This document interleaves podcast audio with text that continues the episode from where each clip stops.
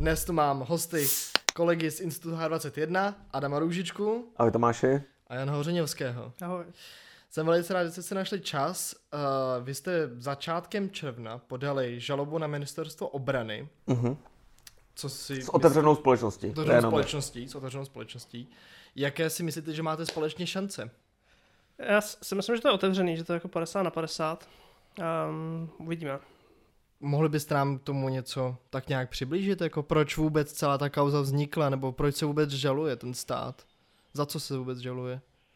Tak eh, já možná to uvedu, Honza, který tu žalbu psal, tak, tak mě doplní, protože do toho vidí víc. Eh, my jsme tu žalbu teda podali 3. června, nutno podotknout, že jsme ji nepodali sami, podali jsme ji jako dvě organizace, takže institut a ještě otevřená společnost. Eh, a s otevřenou společností my jsme v jednom projektu Svoboda slova online v rámci, v rámci kterého my se zabýváme právě nový, novými výzvami svobodě projevu, zvláště pak v tom prostředí internetu, což je, řekněme, nové, úplně nevíme přesně, jak eh, k tomu přistupovat, takže je tam hodně jako diskuzí. A my jsme ji podali na ministerstvo obrany a bylo to z toho důvodu, že máme vážné podezření, nebo to, jako to, co argumentujeme v té žalobě, tak je to, že eh, bezprostředně po zahájení eh, ruského útoku na Ukrajinu, tak došlo k zablokování těch takzvaných dezinformačních webů. Navenek to bylo prezentované jako nějaká soukromá akce těch eh, providerů nebo toho združení CZNIC a těch mobilních operátorů, ale my vlastně tvrdíme, že oni tak oni jednali na základě pokynu ze strany Národního centra kybernetických operací, mm-hmm. které je pod vojenským spravodajstvím, které je pod ministerstvem obrany, na což oni neměli žádnou pravomoc, takže proto vlastně uh, my je žalujeme, protože stát vlastně porušil vlastní pravidla.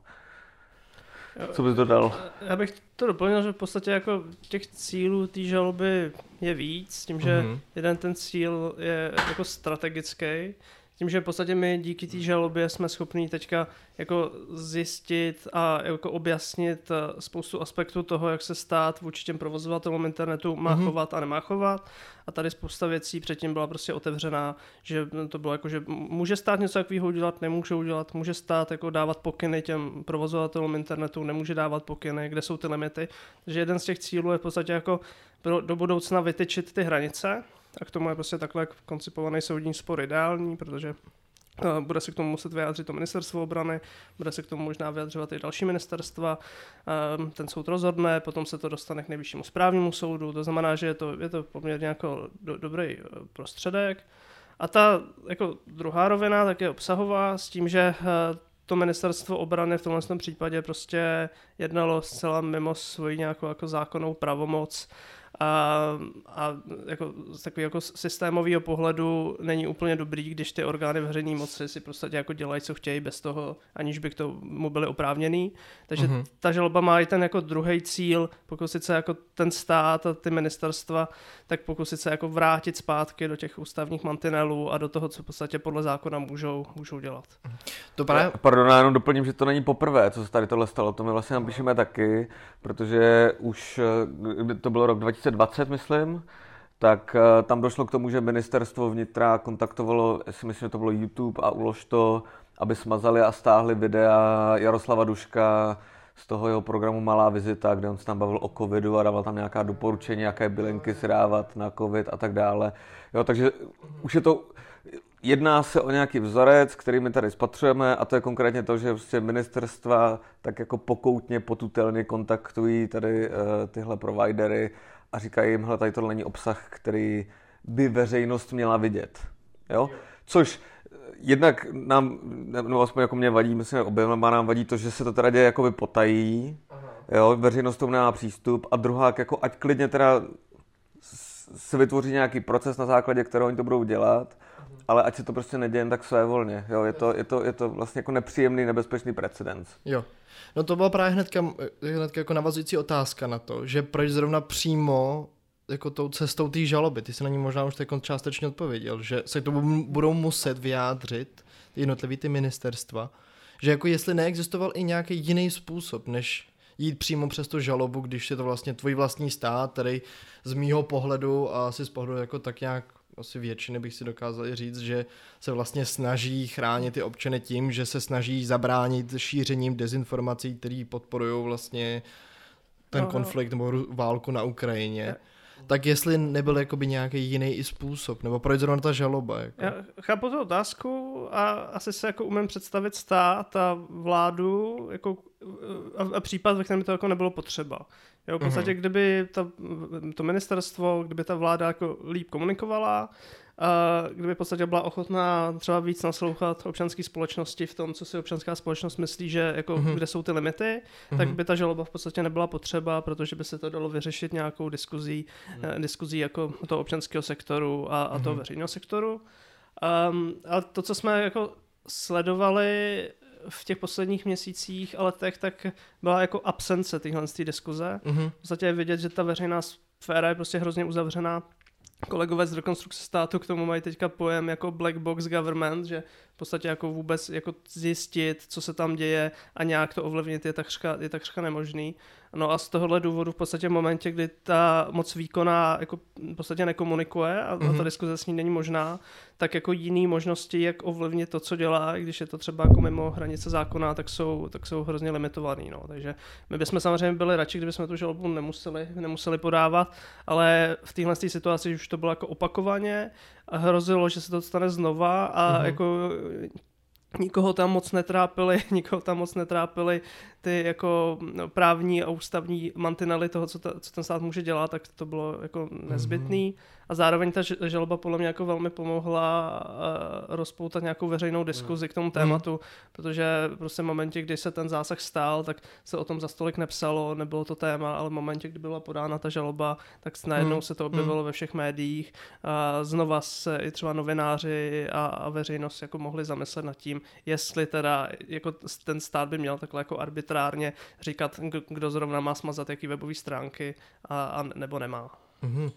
No a e, já jenom možná bych upřesnil jednu věc a to je to, že to, co nám občas jako bylo vyčítáno, tak je to, že uh, něco se stalo a my hurá, teďka jako žalujeme teda ministerstvo. A to, ale to není úplně pravda, protože uh, ten, řekněme, zásah nebo to, to zablokování těch webů, tak to bylo den po tom útoku, ne, myslím, to je 25. únor, tady tohle. Uh, a možná se pletu v tom datu. No, bylo to blízko minimálně, no. No kdy byl ten útok? Byl to den po tom útoku? 24. byl útok, takže 25. podle mě byl hnedka to zablokování. Myslím, že když se prostě podíváte na stránky toho projektu, tak my už 3. června jsme k tomu eh, jako vydali stanovisko, kde tam popisujeme tu problematiku dezinformací a dáváme tam jako několik těch doporučení. Takže vlastně byla tam snaha z naší strany to nějakým způsobem řešit tím, že na to upozorníme jasně, eh, my jsme vlastně jako kontaktovali některé jako výbory, ať už v Senátu nebo v poslanecké sněmovně, a snažili jsme se jako v podstatě na to jít to, tou cestou. Um, dívejte se, tady tohle ne, nebylo košer, pojďte se o tom s náma pobavit, pojďme to vysvětlit ve, veřejnosti, protože teďka vlastně to, co se stalo, tak eh, si, si doopravdy let, kdo může interpretovat jako nějaké jako zásadní porušení těch principů demokracie, principů právního státu. Takže my jsme se snažili tady to dělat takovou, řekněme, eh, přátelštější formou. Nakonec jsme měli i jakousi expertní skupinu, kde, se, kde, kde byli i zástupci, myslím, z ministerstva vnitra, eh, na základě toho my jsme dali jako i z rekonstrukcí státu právě v rámci toho projektu jsme dali jako detailnější, jako revidovanější doporučení, to, jak by se to mělo řešit, ale ta situace se prostě nijak neměnila. Jo, pořád, pořád to bylo jako extrémně v mlze ohledně toho, zda teda je to soukromá akce, nebo stát jenom konzultoval. Já si pamatuju, že když se to stalo, tak, tak doopravdy tam byl takový jako divný takový divný double speak. Jo. Minister vnitra Rakušan, tak on, když oni to zablokovali, tak on napsal prostě na svoje sítě jako zásah. Jo. A vlastně bral to, že to je jakoby jeho uh, věc a potom teda rychle musel zařadit zpátečku a říct, ne, vlastně my jsme to neudělali, my jsme vlastně jenom konzultovali, jo. A Jo, a je to, a je to tak nebo třeba Petr Fiala říkal, byla, byla to věc jako na hraně, no tak jako buď teda, to byla akce soukromých subjektů, to znamená, že nemus, nemusíme se bavit o nějaký hraně, anebo to byla akce státu, ale, která byla na hraně a bavíme se o tom, že to je akce státu, no. A podle mě do té doby, než my jsme podali tu žalobu, což jsme v podstatě brali jako takovou tu poslední, řekněme, poslední nástroj, jak to znova otevřít, tak i v médiích jako to neustále bylo zmatený, jako jestli teda byl to stát, nebyl to stát, jo? bylo to oprávněný, nebylo to oprávněný, takže my doufáme, že uh, ten, ten rozsudek aspoň trošku osvětlí, co se teda tam jako reálně stalo v tom únoru. Jo? Nebo jak to ministerstvo komunikovalo, komu oni rozesílalo ty dopisy, jak, jak řekněme naléhaví byli. To jako nic z toho my nevíme, jo? což by takhle nemělo být, si myslím.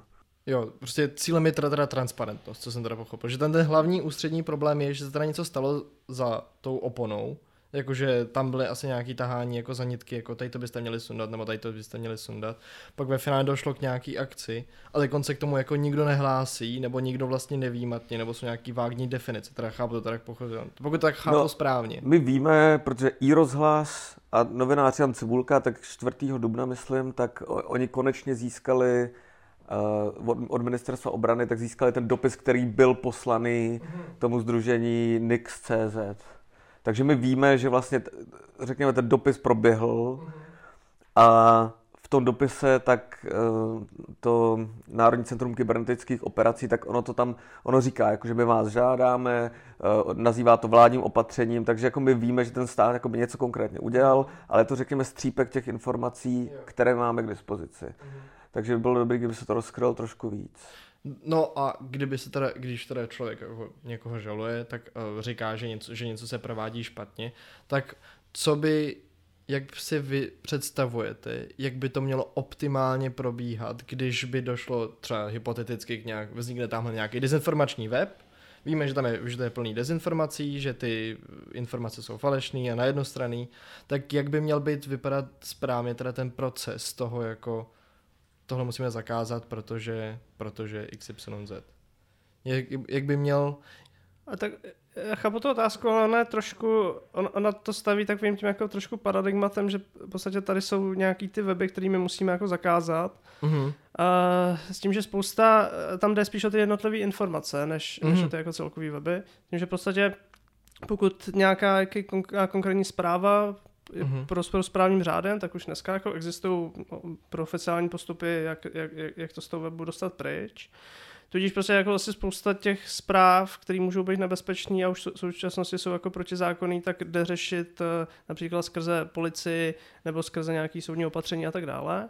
No a pokud je tam prostě spousta jako informací, která tenhle ten jako nezákonný charakter nemá, a, ta, mm-hmm. a, a v podstatě to, čemu my jsme došli, my, že my se tématu dezinformací už zabýváme jako nějaký ten pátek, no a došli jsme v podstatě k tomu, že existují jako dvě vnímání pojmu dezinformace. Mm-hmm. Jedno pojmu je jako dezinformace v takovém jako užším slova smyslu, kdy se bavíme o nějaký jako nepravdivý informaci, která je mm-hmm. šířená úmyslem jako vytvořit nějakou újmu nebo, nebo něco takového.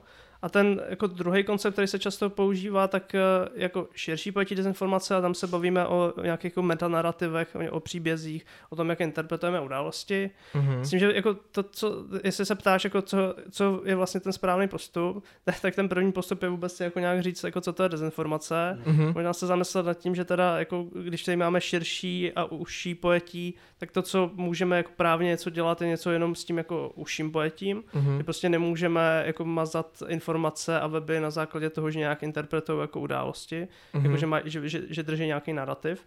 To, je, to je jako hrozně nebezpečný pro spoustu dalších případů. No a to, jak má vypadat přesně ten jako zákonný postup, to je spíš to, si myslím, že není úplně jako otázka na nás, to je spíš otázka na ministerstvo vnitra, nebo jako mm. na, na, na, ty, na, ten úřad, na ty úřady, který jako to dávají dohromady ale tady se zase dostáváme k tomu problému jako black box governance, že v podstatě ty úřady, při, přestože jako na tom pracují, tak eh, jako to nedávají k dispozici a odmítají se o tom bavit s kýmkoliv jiným, než tam sami se sebou. No, takže my v podstatě jako nevíme, s čím oni pracují, co jsou ty jejich jako základní východiska a můžeme se jenom jako domnívat, eh, domnívat.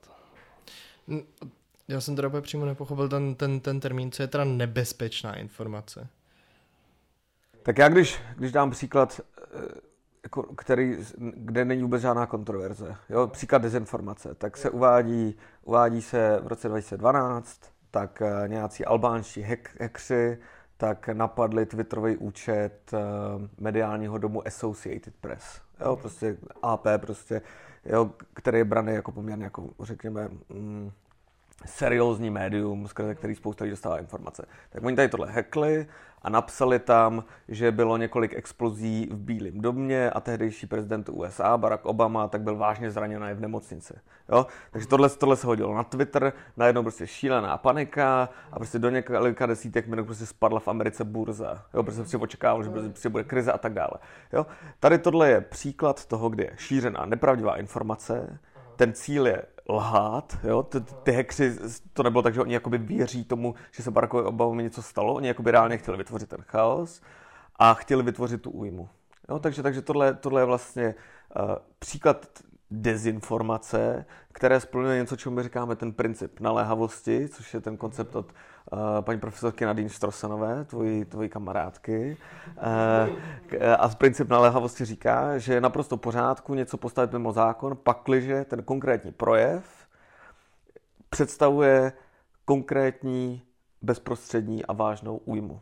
Jo? Já nemůžu tě vydírat, já ti nemůžu vyhrožovat. Mm Jo, protože to, tohle už je nějaká újma. Svoboda slova neznamená, že jakoby každý si může říkat, co chce. Jo? Máme určité, určité limity. Jako rozhodně žádný eh, člověk, který je absolutista v, uh, vůči svobodě projevu, tak by neřekl, že prostě já si myslím, že v pořádku, že se bude jako vyhrožovat násilím nebo vydírat. To prostě to, je, to, tam nepatří. Takže pokud tam máme tu újmu, pokud to splňuje princip naléhavosti, tak je to úplně v pořádku. Jo? No a tady tohle je ten princip jako konkrétně nebezpečné prostě uh, dezinformace. Jo? A pod, takže tohle je jakoby řekněme jeden pól. A pak je ten druhý pól, kdy se baví o těch takzvaných jako dezinformativních nebo dezinformačních narrativech. A to je to, že třeba čeští elfové jsou tady v tomhle jako fakt transparentní a do jistý míry jako všechno čestým protože oni na těch webových stránkách oni píšou, jo, prostě oni píšou, že se eh, jedná o jakési, co to je, jako nějaké podhoubí, nějaká, nějaká síť, kde uh, ty informace častokrát jsou pravdivé, ty konkrétní skutečnosti, ale vlastně uh, ty dezinformace, že jde o nějakou nadstavbu, jinými slovy to, jak ty skutečnosti se interpretují, jak se skládají dohromady, jak, jaký mozaiky tvoří a tak dále. Jo?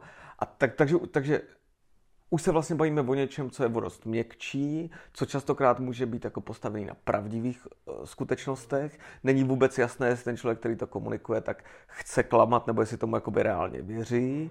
Jo? Uh, není vůbec jasné, jestli to má způsobovat nějakou újmu. Jo?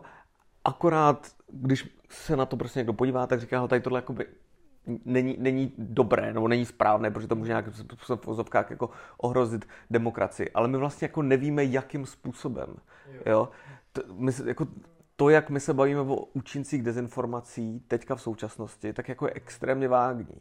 My, jako, my, my přestíráme, že my víme, že to má nějakou přímou újmu, nebo se bavíme se o tom, že prostě to podkopává za, za základy demokracie, kde si co si a tak dále, ale jako já bych řekl, že do velké míry tady tohle je dojmologie. Jo? Já neříkám, že to nemá tu újmu. To je problém vlastně, kdy se na ty data a prokázat to není jako, že to přímo ten, tady ta, ten jev A způsobuje ten jev ano, B. Že? Ano, ano, Tam, hmm. jako, třeba můj oblíbený příklad tady toho jako druhého pojetí, toho narrativního pojetí, tak v nějaký zprávě, myslím, ministerstva vnitra nebo něčeho takového, nejsem z jakého úplně stej, bylo napsané, že jako dez, dezinformační narrativ je narrativ, že Evropská unie nařizuje České republice, co má dělat. Ano. Jo, jo. Že, že Jo, ale jako, když se na tohle tvrzení podíváme jako fakticky, mm-hmm. tak eh, prostě zpráva Evropské unie vyplývá jako přednost, aplikační přednost i nadřazenost evropského práva. Je to, mm-hmm. je to mhm. i nad naším ústavním právem. Mm-hmm. Takže prostě jako správního hlediska tohle je prostě jako objektivní fakt, který nelze označit, že je nepravdivý. A zároveň to ale neznamená, že by to bylo něco negativního, jo? protože mm. jako každý právní řád, který není čistá fasáda, tak prostě potřebuje mít nějakou sílu se prosadit. Tudíž v podstatě jako to, proč um, ten orgán, který tohle se označil jako dezinformační narrativ, tak on, on, on, jako, to není to, že by to fakticky bylo jako nesprávný, ale že ta interpretace, ten příběh zatím v podstatě jako může být použit k nějakým jako k tvoření jako negativních nebo z jejich pohledu jako špatných příběhů. Mm-hmm. No ale v momentě, kdy jako přistoupíme na tuhle hru, že dezinformace může být i tohle a že můžeme limitovat dezinformace jako v oblasti těch narrativů, tak eh, se, se, jako, tak se dostáváme jako do, do sféry, kdy můžeme jako zakázat v podstatě úplně cokoliv, i přesto, že to je třeba pravdivý. Mm. Jo?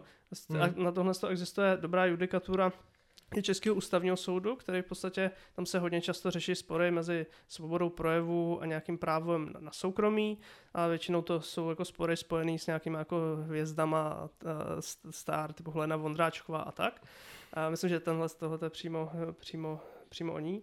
A v podstatě tam se jako ty soudy jako velmi logicky na základě těch sporů konkrétní, kdy o, jako o tobě někdo něco napíše negativního a ten novinář se brání, že má svobodu projevu a ty se zase brání, že ty máš právo na jako soukromí a osobnosti, no tak došli k tomu, že tam rozdělili jako nějaký faktický tvrzení a hodnotící, a hodnotící mm. soudy. Jo? Mm. A v podstatě pokud o tobě někdo napíše nějakou jako faktickou nepravdu, že o tobě napíše, že se tamhle ukrad 500 korun z vaší školní jako kasičky, mm-hmm tak eh, a není to, pravda, není to pravda, tak v podstatě ta svoboda projevu tady nemůže, tak v podstatě je to, je to jasný. Naproti tomu prostě ten soud, ty soudy staví hodnotící soudy, což je podle mě jako velmi podobný jako ta otázka té interpretace, jo.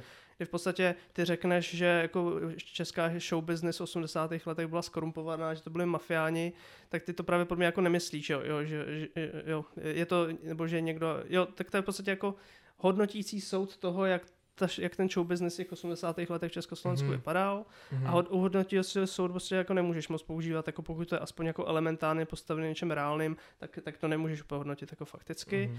No a, te, a, a přijde mi, a, a tam zase se dává jako větší přednost té svobodě projevu. Jo. Mm-hmm. No a teďka, když to vezmeme na to jako současnou mm-hmm. diskuzi, jak je to podle mě něco velmi podobného. Jo? Prostě máš, jsi schopný u některých tvrzení, jsi schopný si určit, jestli jsou pravdiví nebo nepravdiví, protože prostě pokud Barack Obama není zraněný a ty si vypustil informaci, že je zraněný a spadne burza, tak je to úplně jako evidentní. Mm-hmm. No, ale jako tohle ten soud prostě nejsi schopný udělat u těch jako narrativů, u těch, mm-hmm.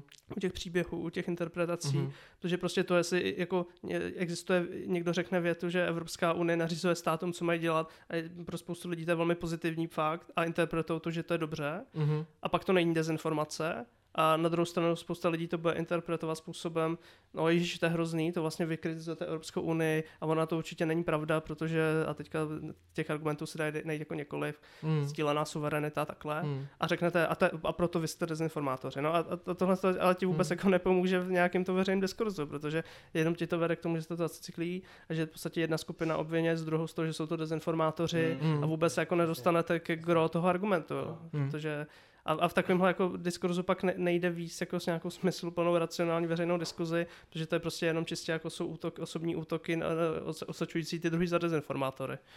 No, tak, další, da, další ten segment, který jsem chtěl právě načít, tak byl tak byl právě, že s začátkem války na Ukrajině, tak můžeme vidět, že se začíná, zvyšu, že se začíná zvyšovat ten počet těch dezinformačních webů a, a i těch, nara, těch narrativových, vlastně i, ne těch přímo dezinformačních, ta tvrdá dezinformace vys Obama, mm-hmm. ale i ten, i ty narrativy víc. A i ty vlastně ten stát, že pochopitelně konc nějaký z nich teda byly smazaný nebo omezený, už jako neexistují, a, ale přijde mi, že když bychom to dělali do posud tím způsobem, takže bychom, že by to byl jakoby nekonečný boj prostě s nějakou mytickou krátorou, který usekneme jednu hlavu a narostou dvě další. Že mi přijde veškerý weby, co jsem já viděl dezinformační, tak byly obvykle vysoce nekvalitní, tak jako narychlo postavený, nikde vlastně nebylo nic přímo jasně daného, ale přijde mi, že když se právě zakáže jeden, jako ten dezinformační web, takže prostě tak se během týdne vytvoří další dva, který můžou dál pokračovat a budou pokračovat do té doby, kdo... No, to je ten problém, nebo co já v tom vidím, jako že v té budoucnosti, že by se mohly exponenciálně prostě šířit ty dezinformační weby a my bychom nestíhali je vůbec jako nějak usměrňovat nebo vlastně jako snižovat její množství. Myslíte si, že právě, že přesně tady to, když projde ten soud a ukáže se, hele, to bylo špatně, tady to jsme měli udělat jinak, nebo něco takového, takže by to právě napomohlo tomu sníženímu tomu počtu těch webů, že kdyby prostě ty dezinformátoři už věděli, že a oni to tam mají už zařízený, tam je nějaký systém, který funguje, Jasně. tak už tam nemá cenu prostě se snažit dezinformovat nebo vytvářet ty weby nebo cílovat se na ty lidi, uh-huh. protože víme, že tam mají efektivní právě ten nástroj, který bude moct jako... To, jestli můžu velmi, já to, já to tě trošku jako ještě přerámuju, protože uh-huh. když se podíváš jako na možnou cenzuru internetu, uh-huh. tak země, která došla nejdále Čína. a mm-hmm. kromě Severní Koreje, ale to nebudeme mm. počítat. Dobře. A ani Čína není schopná ten internet cenzurovat tak, aby ty se z té Číny nedostal k těm západním médiím. Mm. Jo, totiž jako jak moc, jako kolik pravomocí ty by se musel dát tomu státu mm. a v mhm. jaký rovině, aby ten stát jako dokázal eh, ty weby jako trvale blokovat, aby se to jako obyvatelstvo k tomu nedostalo. Hmm. Když ani Čína, která je jako technologicky eh, ve všech jako věcech blokování internetu a tak je mnohem dál, hmm. než kdokoliv jiný to nezvládá. Jo? Hmm. Takže, takže ta otázka je, jako ty můžeš tomu státu dát, jako, snažit se dát jako úplně celá ohromný pravomoci, hmm. ale je otázka, jestli to je jako dobrý nápad. No. uh, takže tady podle mě jako u té regulace na, na, narážíme na to, co je možný, jo? že v podstatě Samozřejmě ty můžeš jako Českou republiku ostřihnout od internetu, protože ty, když zablokuješ ty jako koncovky CZ, tak pořád uh, to můžeš udělat na jiný koncovce, mm. existují VPNky, všechny ty, ty věci. Mm. Takže ty můžeš jako se pokusit Českou republiku jako zcela odstřihnout od internetu, vybudovat tady zdi, mm. ale je otázka, jestli v ten moment v podstatě ty nejdeš jako na komára s bazukou a jestli ty jako ta, ta léčba není jako mnohem horší než ta nemoc samotná. No. Jo. A, ale pravděpodobně existují nějaké jako smysluplnější přístupy, že ne, nemusíš zajít tak daleko, ale budou asi jako vodosoft a vodosmírnější než nějaké jako celá tvrdý zákazy a tak. Takže... No já jenom možná ještě se vrátím, t- já s tím, s tím úplně souhlasím, jo, takže myslím, že to je jako boj, boj s větrnýma mlínama, ale já úplně nevím, jestli bych souhlasil s tím, co ty si řekl, jo, že počet těch dezinformačních webů narostl od začátku té invaze. Protože naopak to, co já jsem eh, slyšel, tak bylo to, že jednak bylo nějaké jako zhodnocení návštěvnosti těch konkrétních webů, eh, což se ukázalo, že teda tam byl nějaký pokles v těch prvních jako, něk, jako pár měsících, ale potom vlastně snad v dubnu nebo v květnu už to bylo vlastně jako na stejných číslech, jako to bylo v lednu, takže ta čtenost byla jako podobná. A uh, já jsem teďka úplně přesně, jestli to bylo AC24 nebo Aeronet, nevím, nevím, který z těch webů, tak tam byl poměrně jako velký nárůst těch uživatelů. Takže některé ty dezinformační hmm. weby, třeba jakoby takový ty menší, já nevím, zvědavec.cz, teďka, teďka trošku fabulu, nepamatuju si ty názvy, tak ty některý fakt jako reálně úplně padly skrze ty zásahy, že se jako zpátky nepostavili.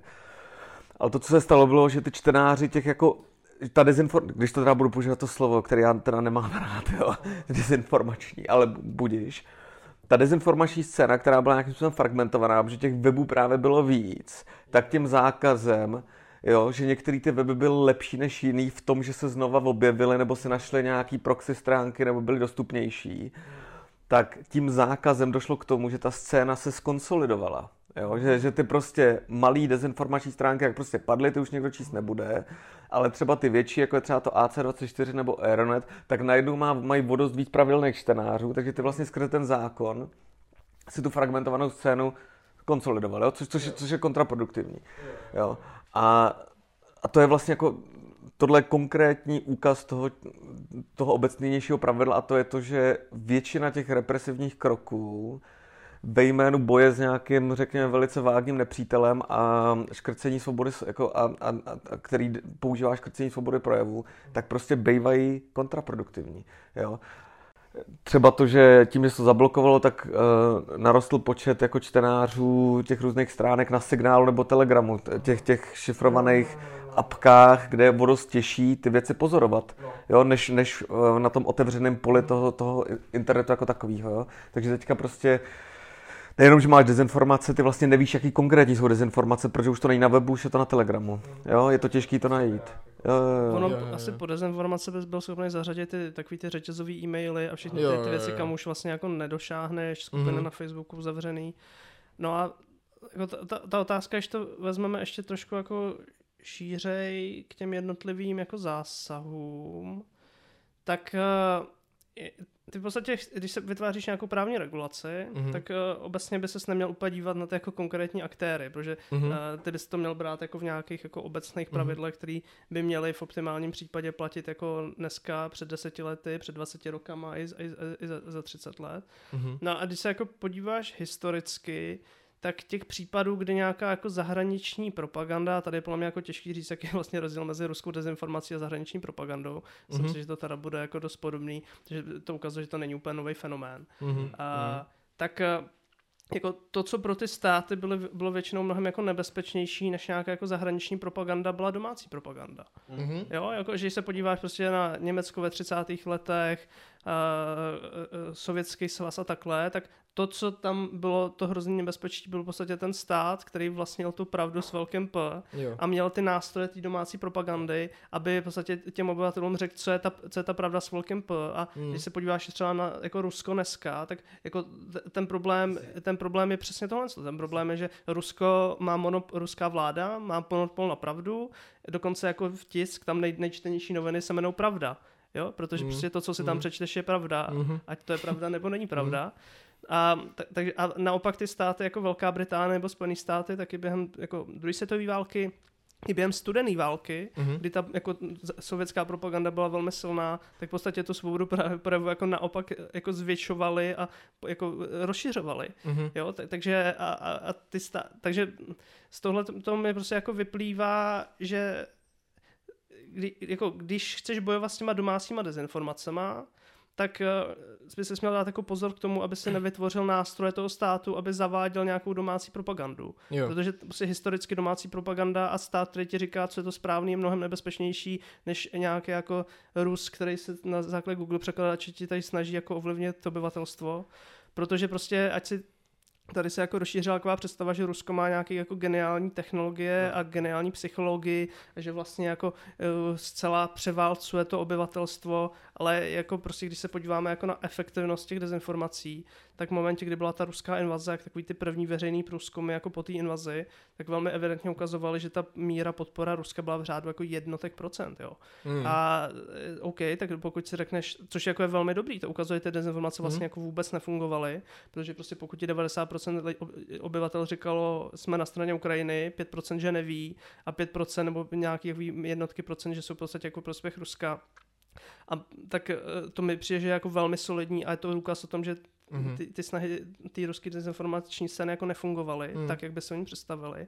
A pak je otázka, jako, co ty z těch čísel jako si dovodíš. Jo? Jako, že pokud si se tváří, že i těch pár procent je vlastně problém, a ještě v kontextu země, která tady zažila 40 let komunismu a prostě hmm. spousta těch lidí prostě k tomu Rusku jako zlíží i z těchto jako historických příčin, tak jako eh, jo, prostě ve svobodné společnosti ty si můžeš dovolit mít pár jednotek procent lidí, hmm. který, a je to hmm. asi velmi zdravý, jo, ty prostě hmm. nechceš mít jako, pokud by se jako 100% obyvatel shodlo na něčem, tak eh, jako myslím, že je docela dobrý tam mít jako to 1% nebo těch pár procent, hmm. který budou proti, proti. Hmm.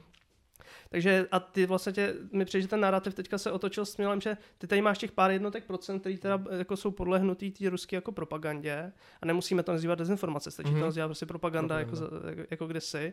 A teďka jako ty kvůli tomu, aby se těch pár jednotek procent teda nějak jako eh, přesvědčil na svou stranu, jsi jako ochotný zavádět úplně jako mm. absurdní omezení jako vlastně všech těch 100% jako eh, celého mm. toho obyvatelstva. Mm. Jo. Mhm. A ještě jako zavá- můžeš zavádět nástroje, který ti tam dodají ty nástroje pro tu domácí propagandu, která historicky je mnohem nebezpečnější než ta zahraniční propaganda, mm. protože prostě ten domácí stát zná ten kulturní kontext, přesně ví a ty prostě tu právní regulaci musíš postavit tak, aby to fungovalo i tehdy, pokud prostě premiérem bude Tomio Okamura a bude mít ve sněmovně 51%. Hmm. Jo? A prostě hmm. pokud si řekneš, hele, pokud premiérem je Tomio Okamura a má 51% a, ta, a tehdy tu regulaci už nechci, tak už bude pozdě. Jo? Hmm. Takže ty se na to prostě musíš dívat trošku jako koncepčně a, a takový ten jako pohled, hele, myslím si, na základě nějaký dojmologie si myslím, že tady je ohromný problém a jak prostě musíme vymyslet okamžitě nějaký jako nástroje a pravomoci hmm.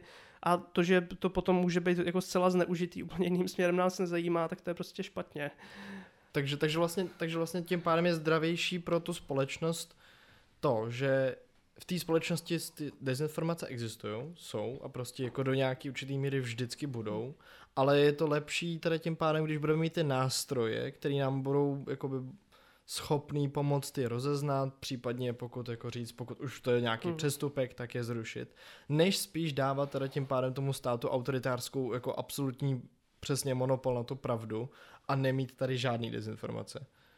Jakože, že kdyby si dokázal představit, jakože, tak hypoteticky se teď se sem dostane nějakých jako tisíc webů, nějakých dezinformačních, jako nějaká záplava, tak je lepší spíš třeba ponechat nějakých 100, vědět, že to prostě zapůsobí na určitý malý procento populace a prostě je tady mít, než a, jako, a všechny ostatní nějak správně, systematicky vyřadit, pokud se něco stane, jakože dojde opravdu k tomu přestupu, který jakoby je teda proti nám. než mít ten stát, že řekne, tak teď je všech tisíc webů, který jsou dezinformace, tak všechny zrušíme a nebudou tady žádný.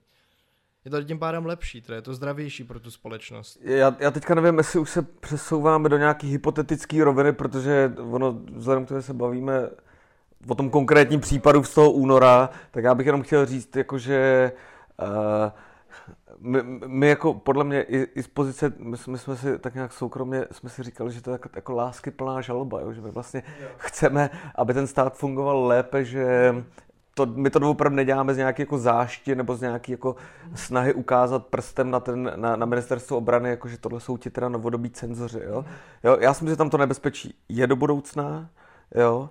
A, ale chápu, že to je výjimečná situace, podle mě prostě stalo se, co se stalo, byl bychom rádi, kdyby se vyjasnilo teda, co se konkrétně stalo, aby se to neopakovalo pak, že to bylo za tou hranou, což my teda myslíme, že bylo. Jo. Ale, ale nemyslím si, že to je opravdu jako, jako něco, teďka, teďka přichází t, ta plížová totalita. Jo.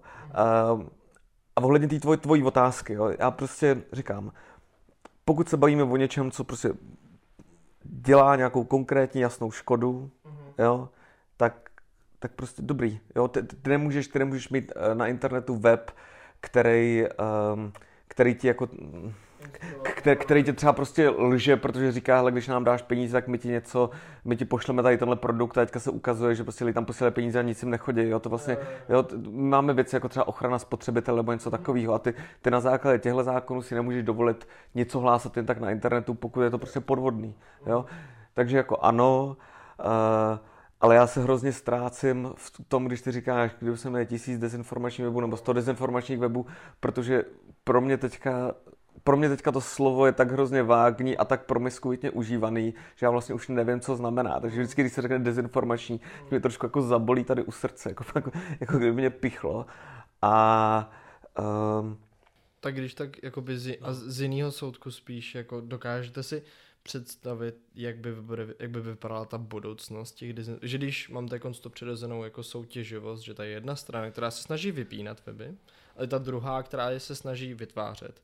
Tak konc najdeme nějaký, tak jako tak se zlepšíme v tom, budeme jako přehlednější, efektivnější, tak nedonutí to právě tu druhou stranu to, aby, aby začala dělat lepší, jako třeba deepfakey nebo něco takového? Dokážete si, nebo máte nějakou představu o té budoucnosti těch dezinformací? Podle mě, když tady máme jako někdo ruší, někdo vytváří, tak ta zásadní proměna je tam, která tam nebyla zmíněna a to je to třetí, jako kolik, reálně kolik to má čtenářů, kolik lidí to zajímá. Jo? Protože tady můžeš mít prostě 10 tisíc de- dezinformačních webů, ale pokud to prostě nikdo nebude číst, tak ať tam klidně jsou, jo. Jo, tam reálně se, my se reálně bavíme o tom, jaký efekt to má na lidi, takže je potřeba zjistit, jaký efekt to má, což to, co říkal Honza, tak se ukazuje, že asi jako pravděpodobně ne tak velký, jak se všichni obáváme, protože ty hybridní operace tady jsou od anexe Krymu, což je co, prostě 8 let tady už prostě něco působí a stane se jako invaze Ruska na Ukrajině a, přes 90% české populace to jasně odsuzuje. Jo, to ukazuje, že prostě ty Rusové nejsou moc efektivní v tom, co dělají. Jo. A ta druhá věc je, pakliže teda my chceme uh, tu společnost připravit na to, aby byla odolnější právě protože budou přicházet novější výzvy typu deepfake a tak dále, tak je nejlepší způsob, jak společnost, jako řekněme, víc jako tužit a um, jestli, jestli jako je to skrze to uh, skrze to rušení, já si myslím, že jako naprosto naopak, jo. Tomáš, Tomáš, když se nad těma dezinformacemi jako zamyslíš trošku z, jako z větší historické perspektivy, tak si můžeš jako položit otázku, jako říkáš, že dneska je svět jako, máš tady nepravdě informace, dezinformační informace. Jo a teďka, když si položíš otázku, jestli ten svět někdy byl pravdivější, jestli těch dezinformací někdy bylo méně, tak jestli jako, tak eh, mohl by si říct, že třeba v 80. letech jako byl svět pravdivější, když eh, tady byla jako komunistická diktatura, ve 40. letech, v 50. letech, v 17. století, jo, jakože, mm. jo, ta, ta, ta, ta otázka vlastně jako, ta odpověď asi je, že jako ten svět jako nikdy moc pravdivý nebyl a v momentě, kdy ty dezinformace vezmeš jako jako příliš striktně, tak by ti v určitý moment nemohla spadnout jako katolická církev, jo? jako největší šiřitel dezinformací v dějinách. A, a, a přesto bychom asi jako z nějakých důvodů v současnosti jako katolickou církev za největšího šířitele dezinformací v dějinách jako neoznačili, jo, ale prostě jako ta představa, že dneska žijeme v nějakém jako extrémně nepravdivém světě, kdy je, je to jako zcela jiný než kdykoliv jindy, tak je podle mě jako nepravdivá, jo. Protože ty sice máš ty sociální sítě, ale jako v historii, ale máš aspoň jako velmi pluralitní ten veřejný prostor, kde pořád ty informace nějak můžou volně proudit, jo, jako když si by si žil jako před 100 rokama, tak eh, to množství takový ty jako gatekeepři při těch informací, tak jich tam bylo mnohem míň a oni v podstatě jako mnohem víc určovali, jako co ty si máš myslet a, a co, tu oficiální pravdu, jo, čehož taky zneužili některý pak ty jako totalitní režimy. No a, takže to, co vidíš je dneska, je taky prostě jako ohromná liberalizace toho veřejného prostoru a ohromná jako pluralita těch subjektů, což tomu jako souvisí s tím, že jo, spousta z nich je jako zcela tragická, a na druhou stranu ti tam můžou vznikat jako nezávislé nové věci, nové deníky, jako dobrý časopisy a jako pokud to obyvatelstvo jako spíš tíhne k těm jako dezinformačním, což jako v Česku si úplně nemyslím, že to je pravda ve většině případech, a tak to je spíš jako, to, to je spíš jako problém vzdělávání, jo? to je spíš problém něčeho, co úplně jednoduše jako nevyřešíš jako nějakýma zákazama a takhle. No a když se zamyslíš jako na tou budoucností, tak jako představa, že v tom jako světě internetu ještě potenciálně nějaké jako umělý reality a takovýchhle věcí s deepfakama a s, s umělou inteligencí, která se bude pokoušet ovlivňovat lidi, jako, jako ten veřejný prostor asi bude čím dál tím jako zmatenější a bude jako těžší se v tom orientovat. A v podstatě asi by třeba se to vzdělávání mělo zaměřit na to, že klíčový je, aby ty si jako dokázal vybrat nějaký seriózní zdroje, třeba i jako mimo ten internet nějaký jako seriózní týdeníky a takhle, kterým ty vlastně jako můžeš věřit, protože oni nějakým způsobem jako eh, ví, že tam je nějaká jako objektivita, nezávislost a takhle, jo. Tak, t- takže to mi přijde, že v podstatě jako ten svět internetu a, a svět těch technologií bude jako nevyhnutelně a my s tím vůbec nic neuděláme, jako bude, bude jako tady ty jako pluralitě a tady k, jako k tomu chaosu jako směřovat. A teďka spíše otázka jako jak změnit uh, nějaký naše jako návyky ve vztahu těm informacím informacím, aby jsme v takovém světě jako líp přežili. Jo. A potom jako eh, třeba ve těm deepfake, tak myslím, že začnou vznikat, eh, jak máš dneska antiviry proti virům, tak prostě budou vznikat jako programy, které tě upozorní na to, že něco, co sleduješ, je deepfake. Jo. Takže, mm. ale to je otázka asi nej, nějakých nejbližších spíš jako více let, než, než teďka měsíců. A podle mě, podle mě extrémně důležitá uh, ta imunitní jako odolnost společnosti vůči tady těmhle novým hrozbám, Eh, tak extrémně důležitý faktor je ta vnitřní důvěra. To, že, to, že vlastně ty ta, že my tady máme nějaké společenství, navzájem se prostě můžeme věřit, jo, co, což podle mě i ten problém dezinformací eh, jako příčině, já bych neřekl, že dezinformace je to, co vlastně vytváří ten problém. Podle mě my tady máme, my tady máme stav, kdy určitý segmenty prostě populace nevěří, řekněme, takovým těm jako oficiálním zdrojům a ty potom jsou následně náchylný na to, že přijde prostě nějaký kremelský bot a něco jim to napíše oni tomu jakoby věří jako alternativě. Jo? Ale já si nemyslím, že, že ty dezinformace nebo nějaký, prostě nějaká trolí farma v Petěrburgu, tak je ten prvotní um, ta prvotní příčina. Jo? Podle mě bychom se měli o dost víc zaměřit na tu domácí situaci, snažit se vymyslet, proč je tady nedůvěra, jakým způsobem jako tu důvěru naopak posílit protože i vlastně, kdybych já, nevím, se měl snažit rozeznávat informace a dohledávat informace a tak, tak tohle jako do budoucna není dobrý návod, protože těch informací bude víc, já vlastně budu víc jako třeba zmatený, jo, takže já, já reálně potřebuji vodost víc v té společnosti kultivovat ten element důvěry, než nějaký třeba kritický myšlení. Já jsem trošku skeptičtější uh, vůči, uh, řekněme, kritického myšlení, když si myslím, že v nějaký jako rozumný míře je to, je to skvělá věc. Ale teďka zpětně, když se ještě bavíme uh, o tom zakazování, jo, tak když stát se rozhodne, stát řekne, hele, jako já zruším tady tenhle web, tak co on, co on v podstatě říká? On říká, dívejte se, já vám jako veřejnosti nevěřím, že vy se na to podíváte, přečtete si to a identifikujete to jako hloupost, jako nějakou zahraniční propagandu. Jo, já, já vlastně si nemyslím, že vy jste dostatečně chytří, rozumní, já nevím co. A z toho důvodu já se bojím vás, nevěřím vám, tak já vám to prostě zatrhnu. A já si nemyslím, že dobrý způsob, jak kultivovat důvěru ve společnosti, je z pozice státu sám signalizovat, že já té populaci nevěřím. Jo? Naopak mě vlastně, mě by se vodost líbilo, kdyby v tom únoru nebo na začátku března Jo, kdyby se fakt jako vystoupil ministr a řekl, dívejte se, tady tyhle weby tady jsou, my o nich víme.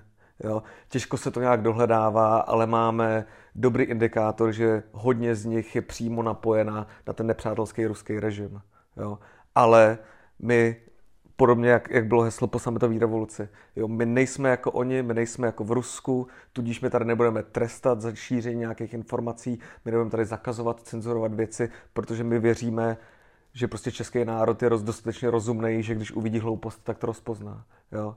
A tady tohle se nestalo. Naopak, jako to, co se stalo, bylo, my tady tohle musíme zatrhnout, protože ten obyčejný člověk jako není dostatečně chytrý na to, aby to rozpoznal. A to, to mi vlastně vadí. Takže, takže teď, když to, jako teď už mi to víc zapadá ten příběh do, jako, dohromady jako podstat. Takže cílem teda ve finále té žaloby teda je ukázat na to, jako, že přesně v tady tom případě to k tomu nedošlo. Nedošlo k tomu nějakému správnému postupu jako no tak, že to bylo, že to bylo tak, z takový tý... tak na základě té úvahy, kterou já jsem řekl, tak to nemůžeš někoho žalovat, jo? Ale no, nám, nám no, jako reálně vadí to, že to, co udělalo, to, co udělali ti zpravodajci, tak bylo proti zákonu, jo? Nebo, nebo že tam nebyl, nebo ta, ta, Olda Kůžilek říkal, že to nebylo, že proti zákoně to je špatný termín, ale nebylo to na základě zákonu, jo? Prostě byl to, byl to, byl to svévolný krok, což výkonná moc nemůže udělat.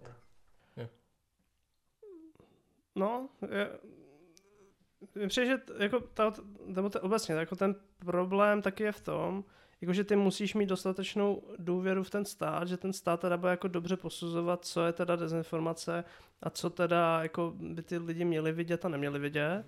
Jo, ale prostě když se podíváš, ale, ale jako tahle důvěra v ten český stát je podle mě v mnoha případech prostě jako já, vůbec, já nechápu, odkud se bere, jo? Jako, když se podíváš, jako jestli, jak ten stát je schopný jako spravovat některé ty své kapitoly, které jsou pro jako základnější, uh, stavba silnic dálnic třeba typicky, jo? Prostě fakt jako, když se zaměříš jako na cokoliv, tak jako jestli bys mohl říct, že ten stát jako funguje optimálně a skvěle a, vždycky, a dělá vždycky správné rozhodnutí, tak a, asi nemohl, jo? Mm. A, a teďka v podstatě nepřijde, že se tady objevuje ta myšlenka, že sice ten stát vlastně vše, jako spoustu věcí, co dělá, dělá blbě a neefektivně, ale zrovna tady v tom rozpoznávání těch těch zlejch a těch špatných informací ten stát najednou bude fungovat dobře, bude to stát spoustu peněz a, a, a, a bude to, vytvoří to raj na zemi tím, že někomu v tom hmm. státu dáme autoritu takhle mazat. Jo.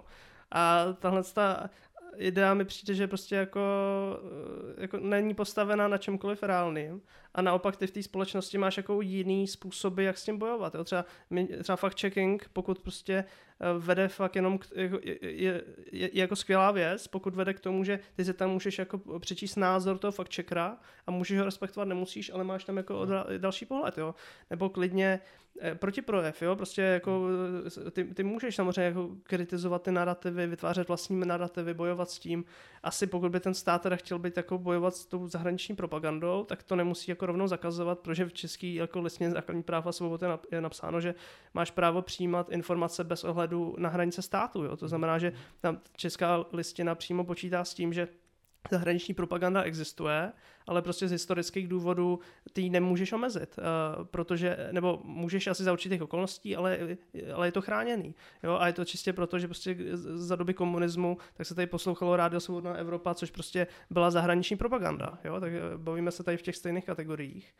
No a to, že kdyby si chtěl s tím bojovat nějak jako víc sofistikovaně, tak tam prostě, jak, jak, když si chceš koupit cigarety, tak ti vyskočí jako e, nápis kouření je zdravý, nebezpečný a jaký obrázek, tak tady by ti jako, pokud by to bylo třeba jako se, Verber, se, web placený z ruských peněz, tak by ti povinně muselo vyskočit jako označení, ten, tento web je prostě placený jo.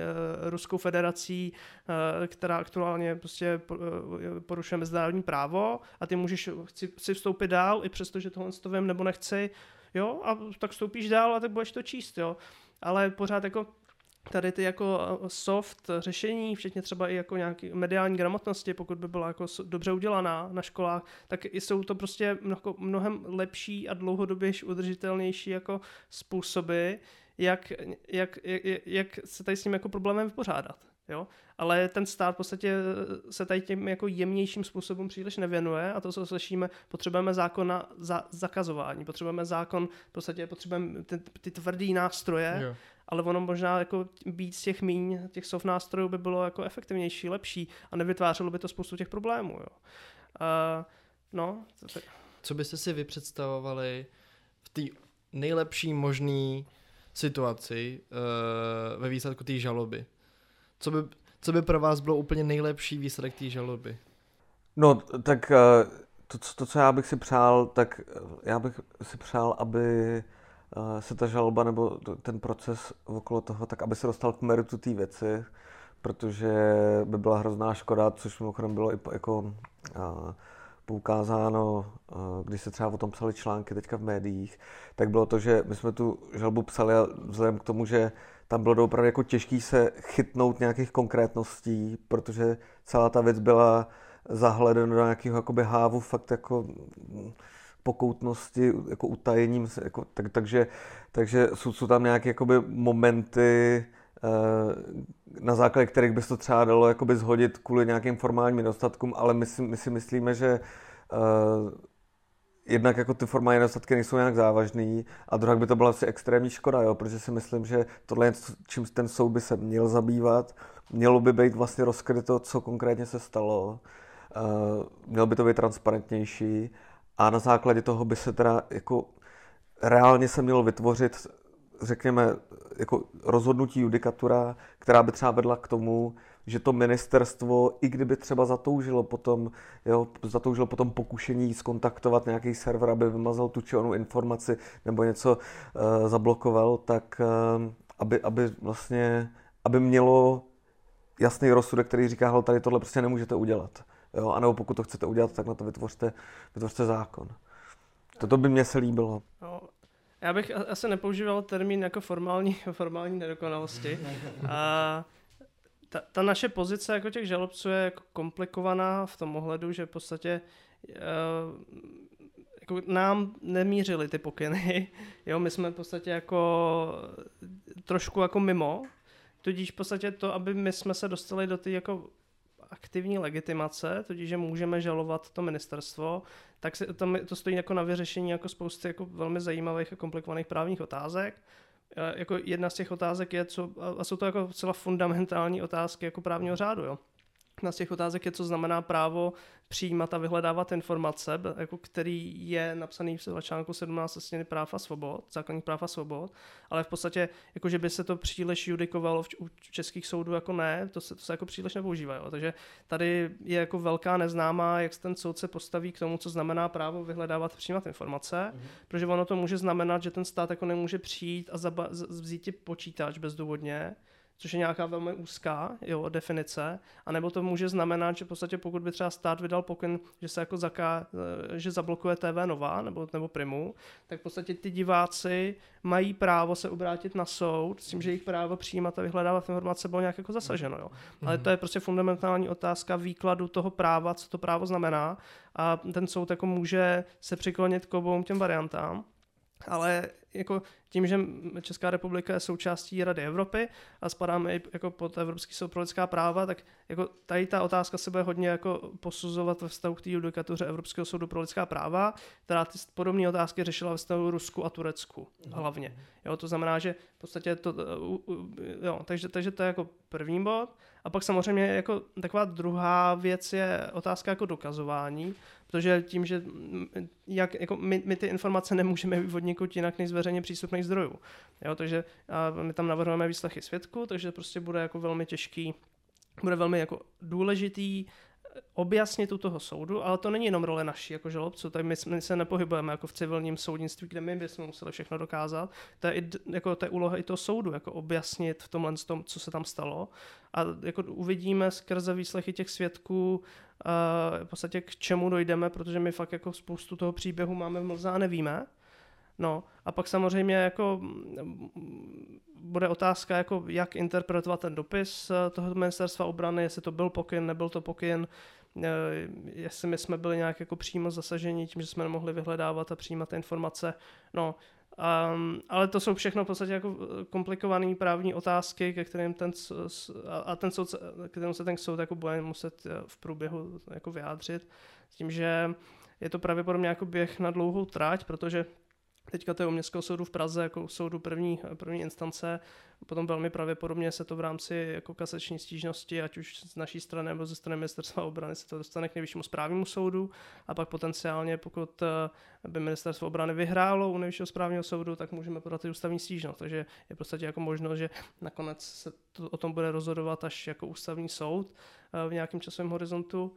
No a ten klíč je podle mě jako na základě toho, že my jsme to ty soudní moci předložili, uh, předložili jsme jí tu otázku, tak ona může jako do budoucna víceméně velmi závazně říct, co jsou ty odpovědi na ty jako konkrétní partikulární otázky, kterými tam jako dáváme, jo? Co znamená svoboda, eh, svoboda jako přijímat a vyhledávat informace. Mm, mm. Je to jenom nějaká jako úzká miniaturní výseč, mm. anebo to je naopak jako ši, širší, jo? Uh, pokud by ten stát jako zablokoval nějaký třeba velký médium, mají ti, diváci právo obrátit se na ten soud, nebo, ne, nebo ne, nemají?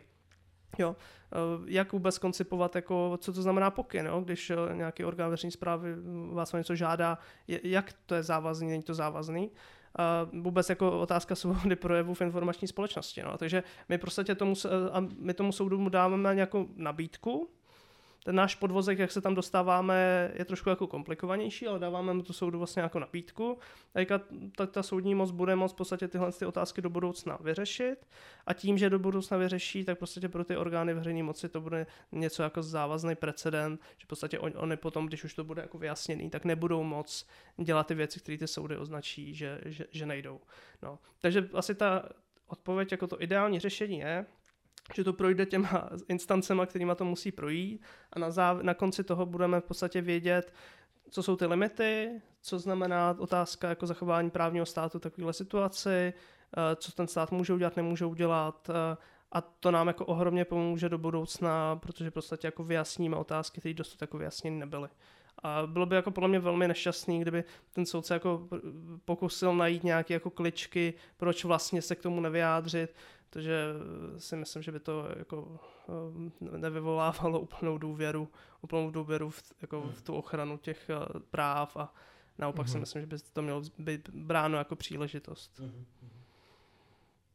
Jo, ty to, to vůbec není navazující otázka, jenom teď, když nad tím jako přemýšlím, mm. tak že mi to přijde hrozně dvousečný v tom smyslu, že když teoreticky já jsem čtenář nějakého dezinformačního webu a jsem prostě, dobře, toho propagandistického webu. No, vlastně. Uh, a věřím těm informacím, co tam mám. Tak hmm. přesně čím tvrdší, nebo jako jakýkoliv boj proti těm mým webům, kterým si já čtu, hmm.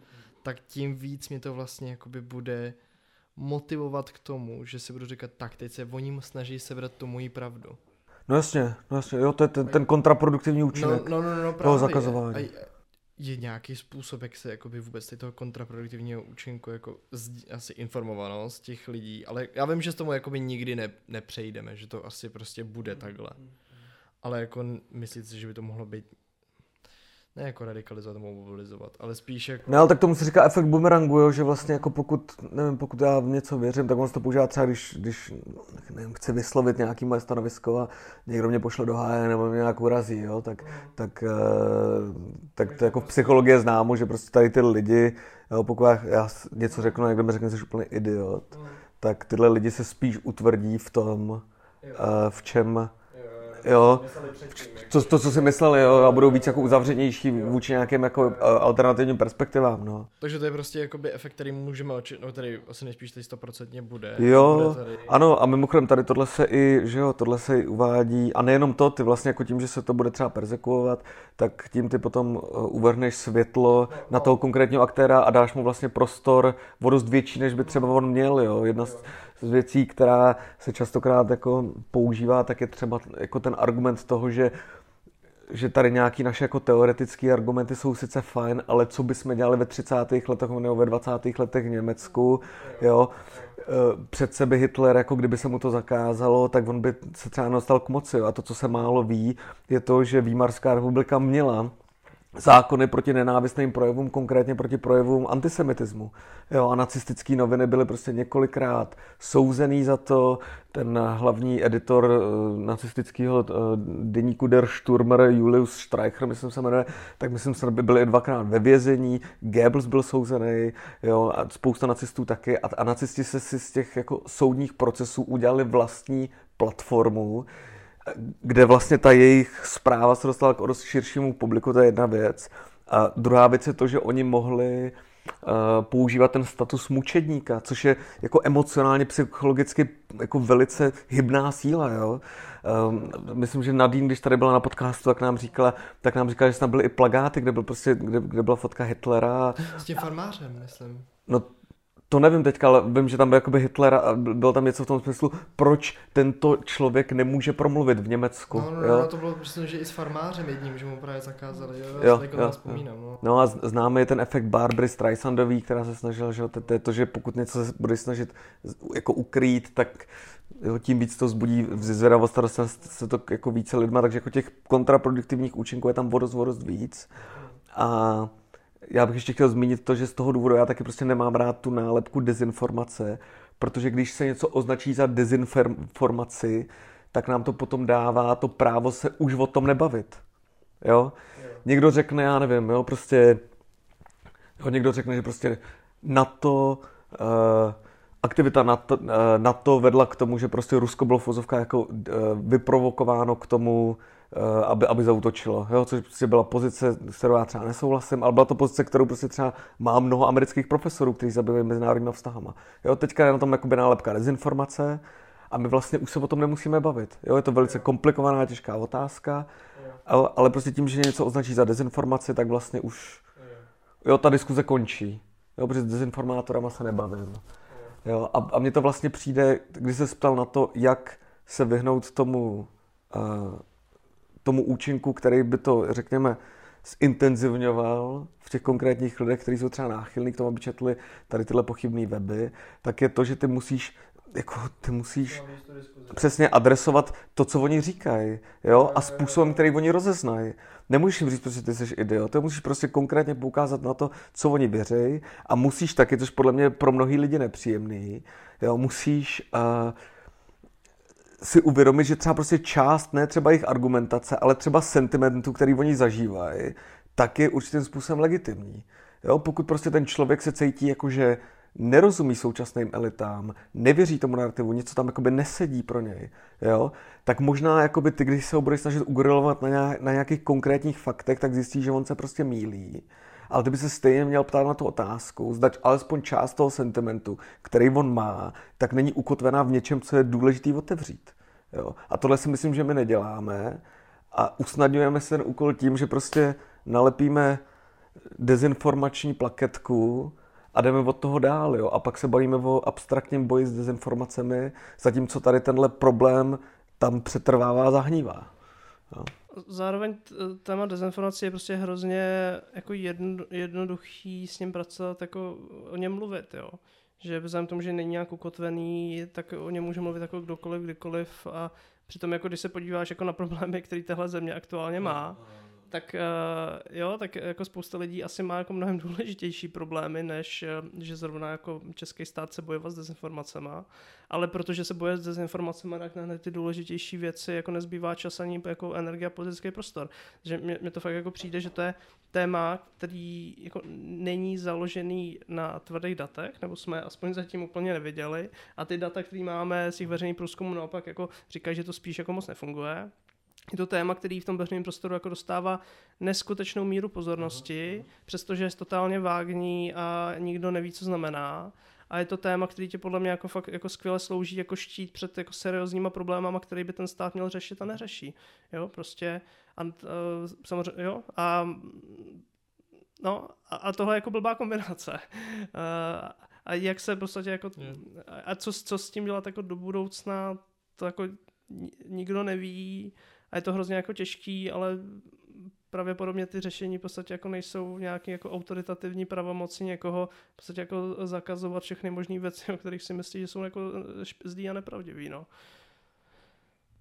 No a ještě jedna věc, která mě k tomu napadla, jak jsi to říkal, tak uh, spousta lidí teďka se baví o tom, že jako reálně ten problém nedůvěry pro demokracii je fakt existenciální. Jo? Prostě demokracie nemůže dlouhodobě fungovat, pokud my si navzájem nevěříme. Jo? Musí tam být aspoň nějaká jakoby bazální důvěra tomu, že to nějak bude fungovat a že vlastně zhruba věříme, že většina lidí se bude chovat nějakým způsobem dobře. A to, za co se třeba kritizují ty dezinformační snahy, tak je za to, že to, že to zasévá to zrno té nedůvěry do té populace. A my vlastně nám to vadí, protože, protože lidi méně věří jo, a tak dále. Ale, ale zároveň, když já se pojám na to, jak se boje proti těm, těm dezinformacím, nebo jak se o tom mluví, tak vlastně vidím jako lauter tu stejnou tendenci. Jo? Když prostě vidím odborníka nebo ministra, který mi řekne, že tady máme pátou kolonu jo, ve, ve společnosti. Jo. Jak, jak moc jako jak silnější tvrzení ty chceš jako použít, abys, abys jako vytvořil nějaký element nedůvěry ve, ve společnosti, než prostě, když, než, než řekneš, že prostě mezi našem prostě v občanský základní České republiky, tak prostě jsou tady agenti kremelského režimu, jo. To je prostě, jako rozumíš, jo, ty chceš, aby ta společnost si věřila a zároveň používáš tady tuhle rétoriku, jo.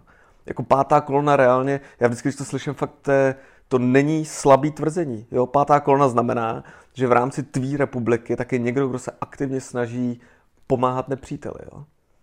A tady, tady tato fráze se používá fakt, jako kdyby to bylo, jo, jako kdyby to bylo nic, jo. Máme ještě nějaký téma tak té žaloby, nebo co, co byste se chtěli vyzmínit jako... Dívej se, hele. A to, co ty řekněme dezinformátoři používají, je ten argument, je to, že ta, ta demokratická Evropa, ta jako česká demokracie, tak je vlastně stejná jako to Rusko. To, co se používá. Jo? Amerika zautočila na Irák, na Sýrii, jo? nikdo ani nepíp, teďka Rusko prostě se zautočí na Ukrajinu a všich je, je obrovský halo. Jo? Ten narrativ, když teda mám použít to slovo, tak se používá, je to to stejný, všichni jsou pokrytci. Jo, vám to vadí jenom pokud se to aplikuje proti někomu, koho máte rádi, ale pokud se to aplikuje proti někomu, koho rádi nemáte, tak vlastně se s tím v pohodě. Jo. Nadáváte na Putina, že cenzuruje, no podívejte se, vy taky cenzurujete. Jo, tady tohle oni ti řeknou. A já vlastně to beru tak, že já nechci, aby eh, dezinformátoři měli tady tenhle argument v ruce. Jo, protože do toho února já jsem mohl někomu říct, kdo mi řekl, hele, v Rusku je to stejné jak tady, tak já jsem mohl říct, hele, není. Jo, protože ty si můžeš číst ty svoje prostě hloupé stránky na internetu a nikdo tě, nikdo tě je nevypne a nikdo tě za to trestat nebude. A mě vlastně mrzí, že po tom únoru jednak s tím zásahem, jednak i s tím eh, výrokem nejvyššího státního zástupce, který jako pohrozil, že kdo bude schvalovat ten útok nebo eh, chválit eh, před, čelní představitel Ruské federace, tak může prostě být stíhán na základě nějakých trestných činů. Jo, mě mrzí to, že my už teďka tady tohle říct nemůžeme. Nebo je to těžší to říct. A vlastně skrze tu žalobu, tak já doufám, že to tak trošku vracíme zpátky. Jo? Jo, když někdo se ptá, teď je to lauter to stejný, tak my můžeme říct, no jako není, jo, protože v Rusku ty nemůžeš žalovat ten stát a ten soud ti to neposoudí. Jo, naopak pravděpodobně bys jako byl postihnutý sám. Jo jeden z oblíbených komentářů, který někde jsem zaznamenal, eh, nevím, jestli to bylo asi na našem Facebooku nebo někde, mm-hmm. tak eh, byl jako ve vztahu k té žalobě, že je jako skvělý žít v zemi, kde můžeš žal, během, jako, eh, během skoro válečného stavu můžeš žalovat ministerstvo obrany a pořád můžeš jako klidně spát. Jo? A to, to mi přijde, že jako hezký, jo? že v podstatě jako žít ve státě, ve kterém můžem, je jako skvělý a je to skvělá zpráva. A je to a mnohem, a, a když se podíváš jako na českou historii, tak jako nebylo to i moc období, kdy bys mohl udělat něco takového. A no, takže já bych to spíš bral jako pozitivně, že to v podstatě jako ně, něco skvělého vypovídá o téhle zemi, že je to země, kde se může žalovat ministerstvo obrany a rozhodne to nezávislý a nestranný soud a ty hmm. můžeš klidně spát. Jo, jo. Jo. A, a to je stát, je země, ve které jako chceš, chceš žít, jo? protože to není samozřejmost. Rozhodně jako kdyby se to globálně porovnal, kde takovou věc udělat můžeš a kde ne, tak eh, myslím, že to je jako dobrý kritérium jako toho, kde chceš žít a kde nechceš žít.